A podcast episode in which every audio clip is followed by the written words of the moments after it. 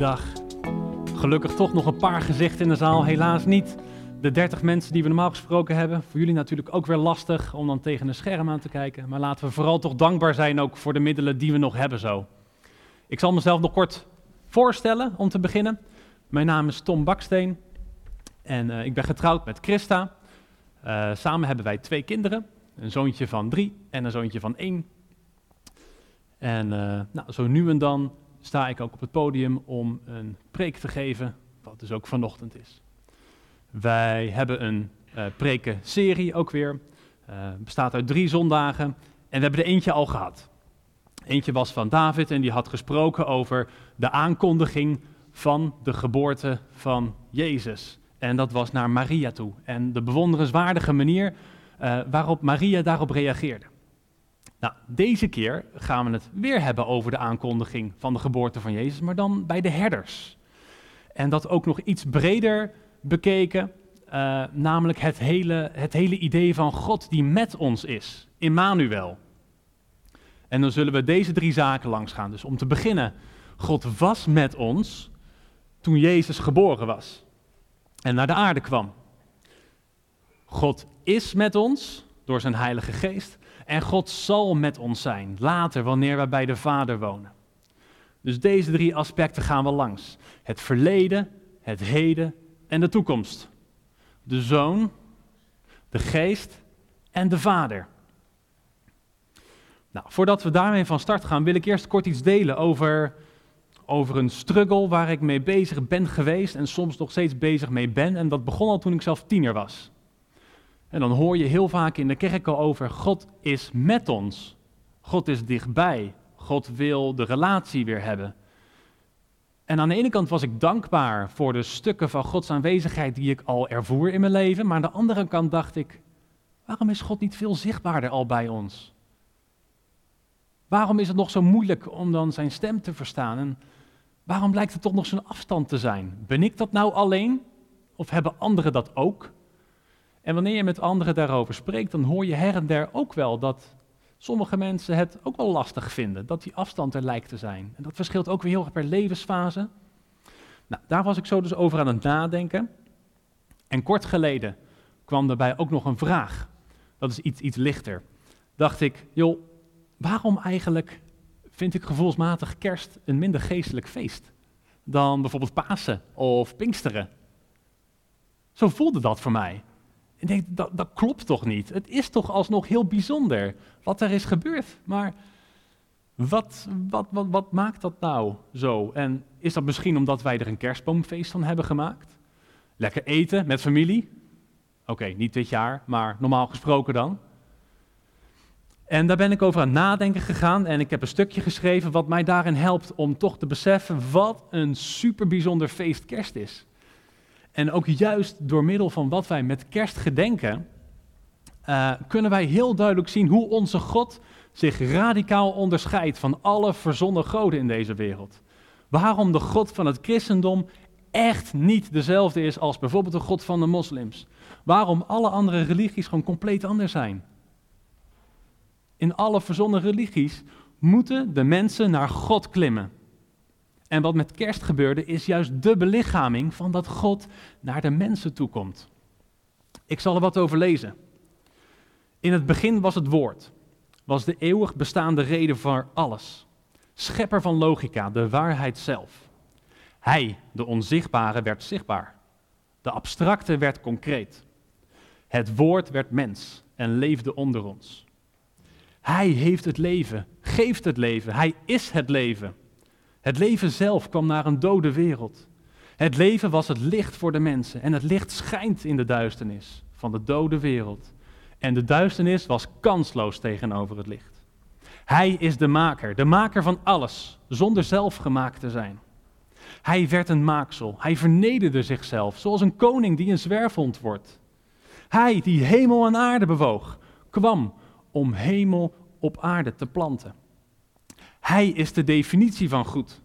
Hij dompelde zich onder in een kwade wereld met als missie één gemaakt te worden met de zonde om goedheid terug te brengen in mensenharten. Hij is de liefde zelf. Hij maakte zich kwaad over het onrecht. Hij toonde het bewijs van liefde in het krachtigste offer. Hij hield van zijn vijanden, meer dan enig ouder van zijn kind. Hij die altijd al was, is.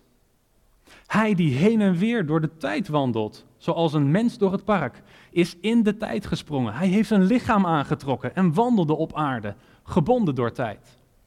Hij die overal tegelijk was, kwam naar alleen Bethlehem. Hij liep waar wij liepen. De onvermoeibare werd moe, de oneindige beperkt. In het begin was het woord. Het woord was bij God. Het woord was God. De grootste alleenheerser werd knecht. Hij had alle macht, maar hij diende in gehoorzaamheid.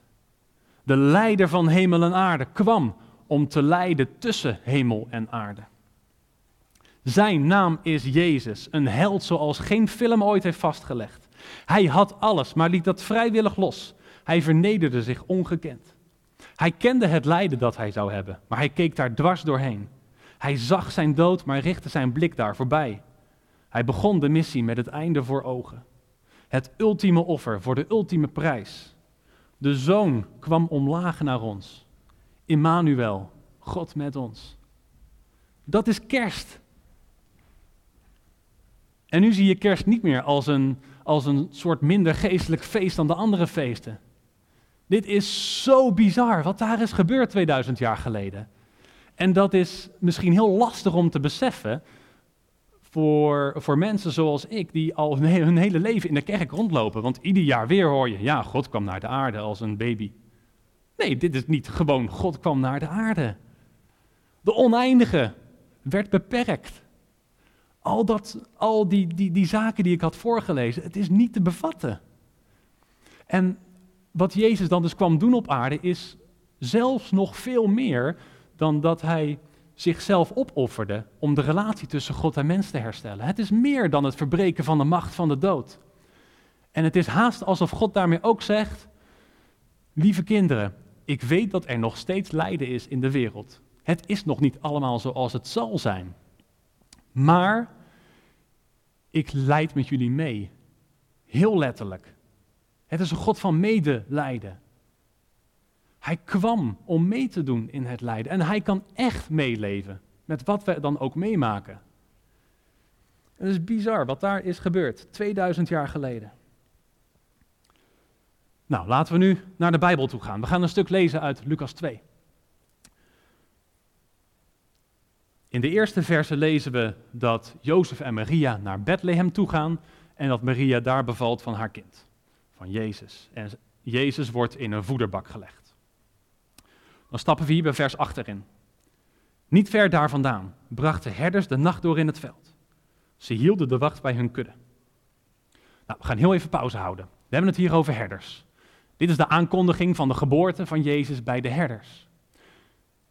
En waar jullie toe wil uitdagen is om jezelf te verplaatsen in de herders. En probeer eens te bedenken, wat voor verwachtingen zouden de herders hebben van het kind wat daar geboren gaat worden? Puur als je leest wat bij de herders bekend zou zijn. Dus wat voor verwachtingen zouden zij gaan hebben van deze Jezus? We lezen weer verder vanaf vers 9.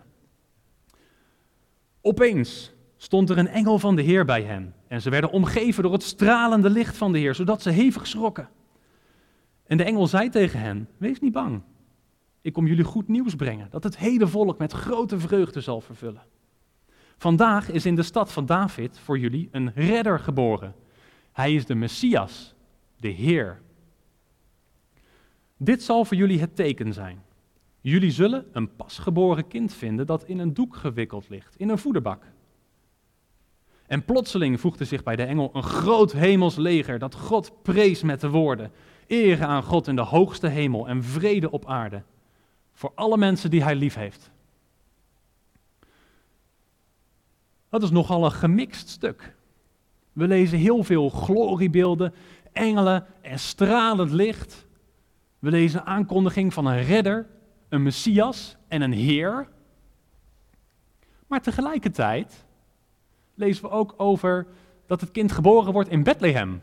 Een klein pukkeltje van een dorp, onbetekenend, daar kan niks goeds vandaan komen in die tijd.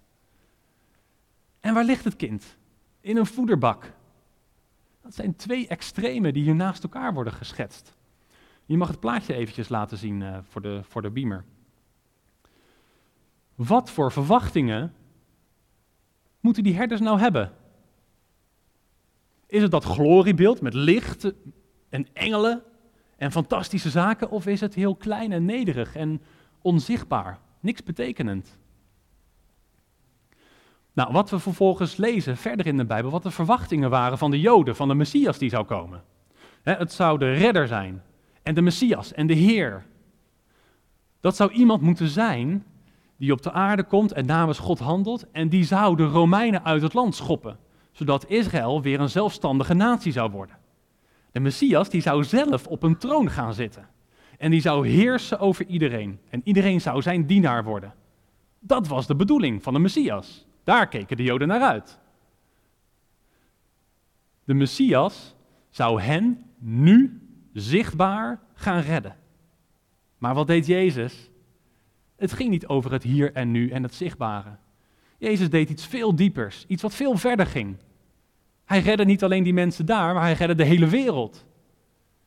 Niet alleen voor die generatie, maar voor de alle toekomstige generaties, voor de eeuwigheid. En dat ging ook een stuk subtieler dan mensen hadden verwacht. Daar zitten een paar voederbak-elementjes in. En het was niet allemaal engel, engelen en lichtshows. Ze hadden complete verkeerde verwachtingen van wat Jezus deed. En daardoor hadden veel Joden gemist wat God aan het doen was in hun leven. We maken nu de stap naar het tweede gedeelte. Dus we hebben het nu gehad over God was met ons door Jezus' geboorte, maar God is met ons door zijn geest. Jezus ging op een gegeven moment weer terug naar de Vader en daarbij zei hij, ik zal een plaatsvervanger sturen. Dat is de Heilige Geest. Dat is beter voor jullie dat ik wegga, want dan kan Hij komen. Dus God is nu met ons. En meteen, ook met die vraag in gedachten van, uh, waar, ik over, waar ik over aan het nadenken was en moeite mee had van waarom, Heere God, bent u niet vaker zichtbaarder aanwezig in mijn leven? Denk ik meteen, Hoeveel van ons zouden misschien ook de verkeerde verwachtingen nu hebben van wat God aan het doen is? Hebben wij misschien ook allemaal glorie-engelenbeelden in gedachten? Wat soms daadwerkelijk gebeurt, maar die momenten zijn vrij zeldzaam. En er zijn best wel veel voederbak-elementen in ons leven, waarbij het allemaal vies en normaal lijkt wat er gebeurt. Dus wat voor verwachtingen moeten wij hebben van God met ons, terwijl we ook dankbaar zijn voor die momenten dat we Hem ervaren? Daarin wil ik graag kijken naar wat Paulus heeft geschreven in 2 Korinthe 5. En ik was zo blij toen ik dit stuk las met deze strukkel in gedachten. Ik dacht, yes, zie je wel, Paulus kent het ook. En Paulus is die turbo-christen die allemaal wonderen en tekenen altijd doormaakte. Hij leefde zo dicht bij God en hij kende deze struggle ook. Dit is een heel ingewikkeld stuk, vind ik zelf, in, in 2 Korinthe 5, uh, eh, vers 1 tot 10 is dat. En daarom zal ik het een klein stukje lezen tegen mijn eigen principes in, stukjes eruit pakken en wat meer erover vertellen. Misschien kunnen we zo meteen tijdens vraag en antwoord wel wat dieper op ingaan. We lezen de eerste twee versen. Dus Paulus aan het woord in een brief aan de Corinthiërs. Wij weten dat wanneer onze aardse tent, dat is het lichaam waarin wij wonen, wordt afgebroken, dat we van God een woning krijgen. Een eeuwige, niet door mensenhanden gemaakte woning in de hemel. Wij zuchten in onze aardse tent en we zouden willen dat onze hemelse woning er nu al over wordt aangetrokken. Paulus schetst hier een beeld. Wij leven hier nog steeds op aarde, in deze aardse tent. En daar komt allemaal lijden bij kijken, beperkingen. En we zuchten en we steunen en we verlangen naar de toekomst. Wanneer we echt bij God zullen wonen, dan zal het volmaakt goed zijn. Lezen we verder vanaf vers 5. Hiervoor, dus dat is die overgang van het wonen in onze aardse tent naar het wonen bij God. Hiervoor heeft God zelf ons gereed gemaakt door ons de geest als aanbetaling te geven. Dus wij blijven altijd vol goede moed. Ook al weten we dat zolang dit lichaam onze woning is, we ver van de Heer wonen. Ha, hier zegt Paulus het, we wonen ver van de Heer hoe kan dat nou? De Heer woont toch ook in ons? Maar goed, Paulus ervaart dit ook als we wonen ver van de Heer. En hij sluit daarin af, we leven in vertrouwen op God. Wat komen gaat, is nog niet zichtbaar. Wat komen gaat, is nog niet zichtbaar. Hierin lezen we denk ik heel duidelijk dat het, het aspect van Emmanuel, van God met ons, is nu door de Heilige Geest. Maar de Heilige Geest wordt hier omschreven als een soort aanbetaling. Nou, dat is een financiële term, dat er alvast een klein stukje van wat je totaal zal krijgen, dat krijg je nu alvast. Om het werk mee te doen wat je zal moeten gaan doen. En de Heilige Geest in ons leven is dus ook nog maar een klein stukje van wat we ooit zullen gaan krijgen in de toekomst. En dat geeft Paulus moed. En Paulus is juist degene die verschrikkelijk veel tegenslag heeft geleden. Die schipbreuk heeft geleden, hij is gemarteld, hij heeft weet ik het wat voor tegenstand allemaal meegemaakt. Juist terwijl God zo actief in hem aan het werken was. Hij put daar zijn moed uit. Het weten dat wij zullen met God zijn. Wanneer wij later bij hem wonen, dan zal het 100% zijn. En dan zijn wij echt bij God. Dat is de moed die je altijd weer kunt putten uit de vaste hoop die je hebt. De hoop voor de toekomst. En hoop in de Bijbelse zin is niet dat je hoopt op, uh, ik, ik, hoop dat ik de oudejaarsloterij win. Je weet dat de kans mini is als je al een lot zou kopen. Dat is niet de hoop waar we het hier over hebben, maar de hoop in Bijbels perspectief is een vaste verwachting. Je weet dat het gaat komen en je kijkt er naar uit. Dus dat is meer als zeggen van ik hoop dat het snel weer lente wordt.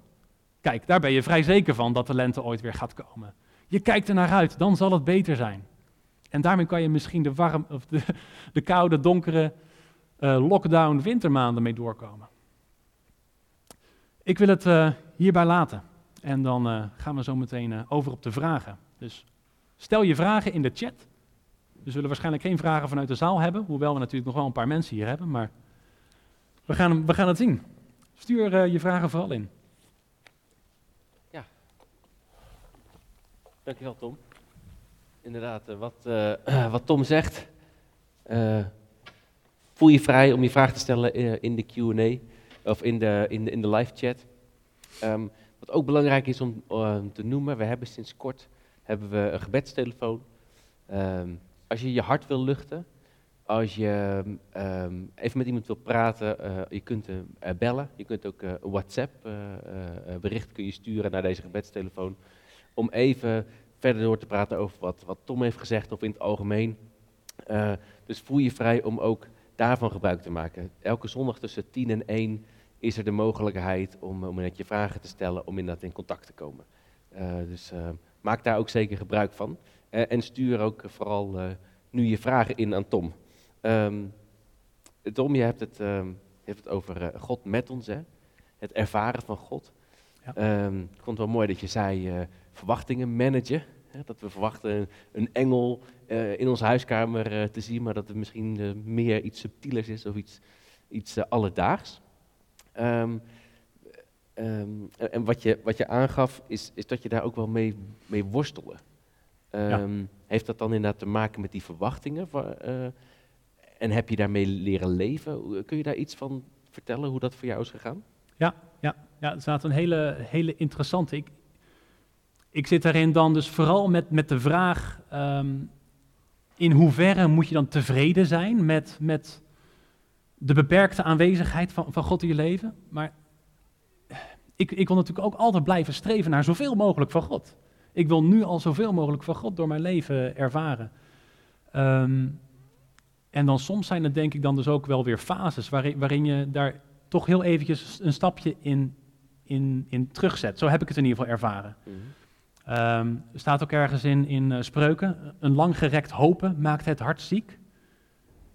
Waarin dan dus ook wordt aangegeven, je moet niet continu meer en meer en meer willen. Af en toe is het ook goed om eventjes, eventjes dat los te laten. Um, en ik ben ook hartstikke tevreden alsnog. Dat, dat had, had ik op zich ook nog wel, wel kunnen noemen. Hè? Want je hebt elementen van God was met ons. En wij zullen met God zijn, die verleden en de toekomst. En al zou dat het enige zijn, dan doet God al zo oneindig veel meer voor mij dan ik ooit had kunnen hopen of dromen. En dat is al zoiets bemoedigends, waarin je nu ook al nou, toch dan weer de liefde van God ervaart door wat mhm. er is geweest. mooi. En als je het nou praktisch zou maken, eh, we hebben het natuurlijk allemaal over God ervaren en God spreekt. God spreekt natuurlijk op verschillende manieren. Ehm, hoe heb je dat dan zelf ervaren en, en wat zijn dan de manieren waarop eh, God, nou ja, je kunt God ervaren of hoe, hoe kan God Mhm. dan spreken? Kun je daar iets over zeggen? Ja, ja. Ehm, ja, sporadisch heb ik inderdaad eh, daar wat in meegemaakt, ook wel. Hè, dat, dat je dan eh, ehm, duidelijke gedachten krijgt van, van God, die dus echt goede sturing hebben gegeven. Wel eens een droom gehad waarin ook sturing voor het leven is gegeven. Ik had natuurlijk gehoopt dat dat iedere nacht zou zijn, Ehm, maar dat, dat is iets minder. Als, als ik dat dan weer, weer vergelijk met dat engelenplaatje versus eh, het voederbakplaatje, eh, wat dus veel meer natuurlijk is dan, dan de mensen op dat moment zelf verwachten, eh, zie ik dat bijvoorbeeld in een sterkere verwachting die ik had van dat God alle omstandigheden maar zou gaan buigen, zodat mijn leven beter en comfortabeler wordt. Mhm. Maar als ik nu dan terugkijk, denk ik, nee, dat had helemaal niet goed geweest als God het had gedaan. Juist in, in zware tijden met, eh, ik, nou ja, hoe zwaar was dat? Wij ervoeren dat als erg, erg zwaar. Het eerste jaar dat, dat, dat we kinderen hadden, eh, verschrikkelijke korte nachten gemaakt. Dan denken we, Heer, alstublieft, geef ons nou een betere nachtrust. Alstublieft, Heer. Ehm, maar ik denk dat wij nu zoveel sterker zijn geworden daarin. En dat kun je natuurlijk niet, niet overal op, op, op toepassen. Maar dat was wel een vorm van lijden waarin ik nu zie van ja, het, is beter dat, dat God ons daar kracht in gaf, Mhm. in plaats van dat hij de storm voorbij liet vliegen. Oké. En daarin zie ik zeker wel dat God erbij was. En eh, God spreekt natuurlijk ook door zijn woord. Hè? Dus doordat je eh, dagelijks eh, Gods woord bestudeert, kan me De Bijbel. voorstellen, de Bijbel Ja. bestudeert, dat je daardoor ook een ontmoeting met God hebt. Dat hij daardoor tot je spreekt, inderdaad. Ja, Als we het weer over verwachtingen hebben, toch? Zeker, ja, Ja, ja, ja, goede toevoeging. Mooi. Hartstikke goed. Ehm, even kijken hoor, mooie vragen hier. Ehm, er staat hier eh, de vraag, heb je iets meegemaakt waarin je duidelijk Gods hand hebt gezien? Ehm, iets meegemaakt waarin ik duidelijk Gods hand heb gezien. Ja, ja mis- mi- misschien één, mooie wel. In een jaar dat ik, dat ik bijbelschool ging eh, volgen. En dan heb je als, als arme student altijd de vraag, hoe ga ik dat kunnen bekostigen? Eh, en heel, heel interessant was dat, dat binnen die bijbelschool waren er natuurlijk verschillende klasgenoten. En, en bij sommigen waren er dan bijzondere giften binnengekomen, waardoor ze telkens hun huur en hun collegegeld konden betalen. En ik was op een hele bijzondere manier aan een baantje gekomen. Een parttime baantje, precies om nog al alle open vrije tijd mee, mee op te vullen. Waarbij ik veel te veel betaald kreeg en eh, eh, precies de dingen kon doen die ook goed waren voor mij. Mhm.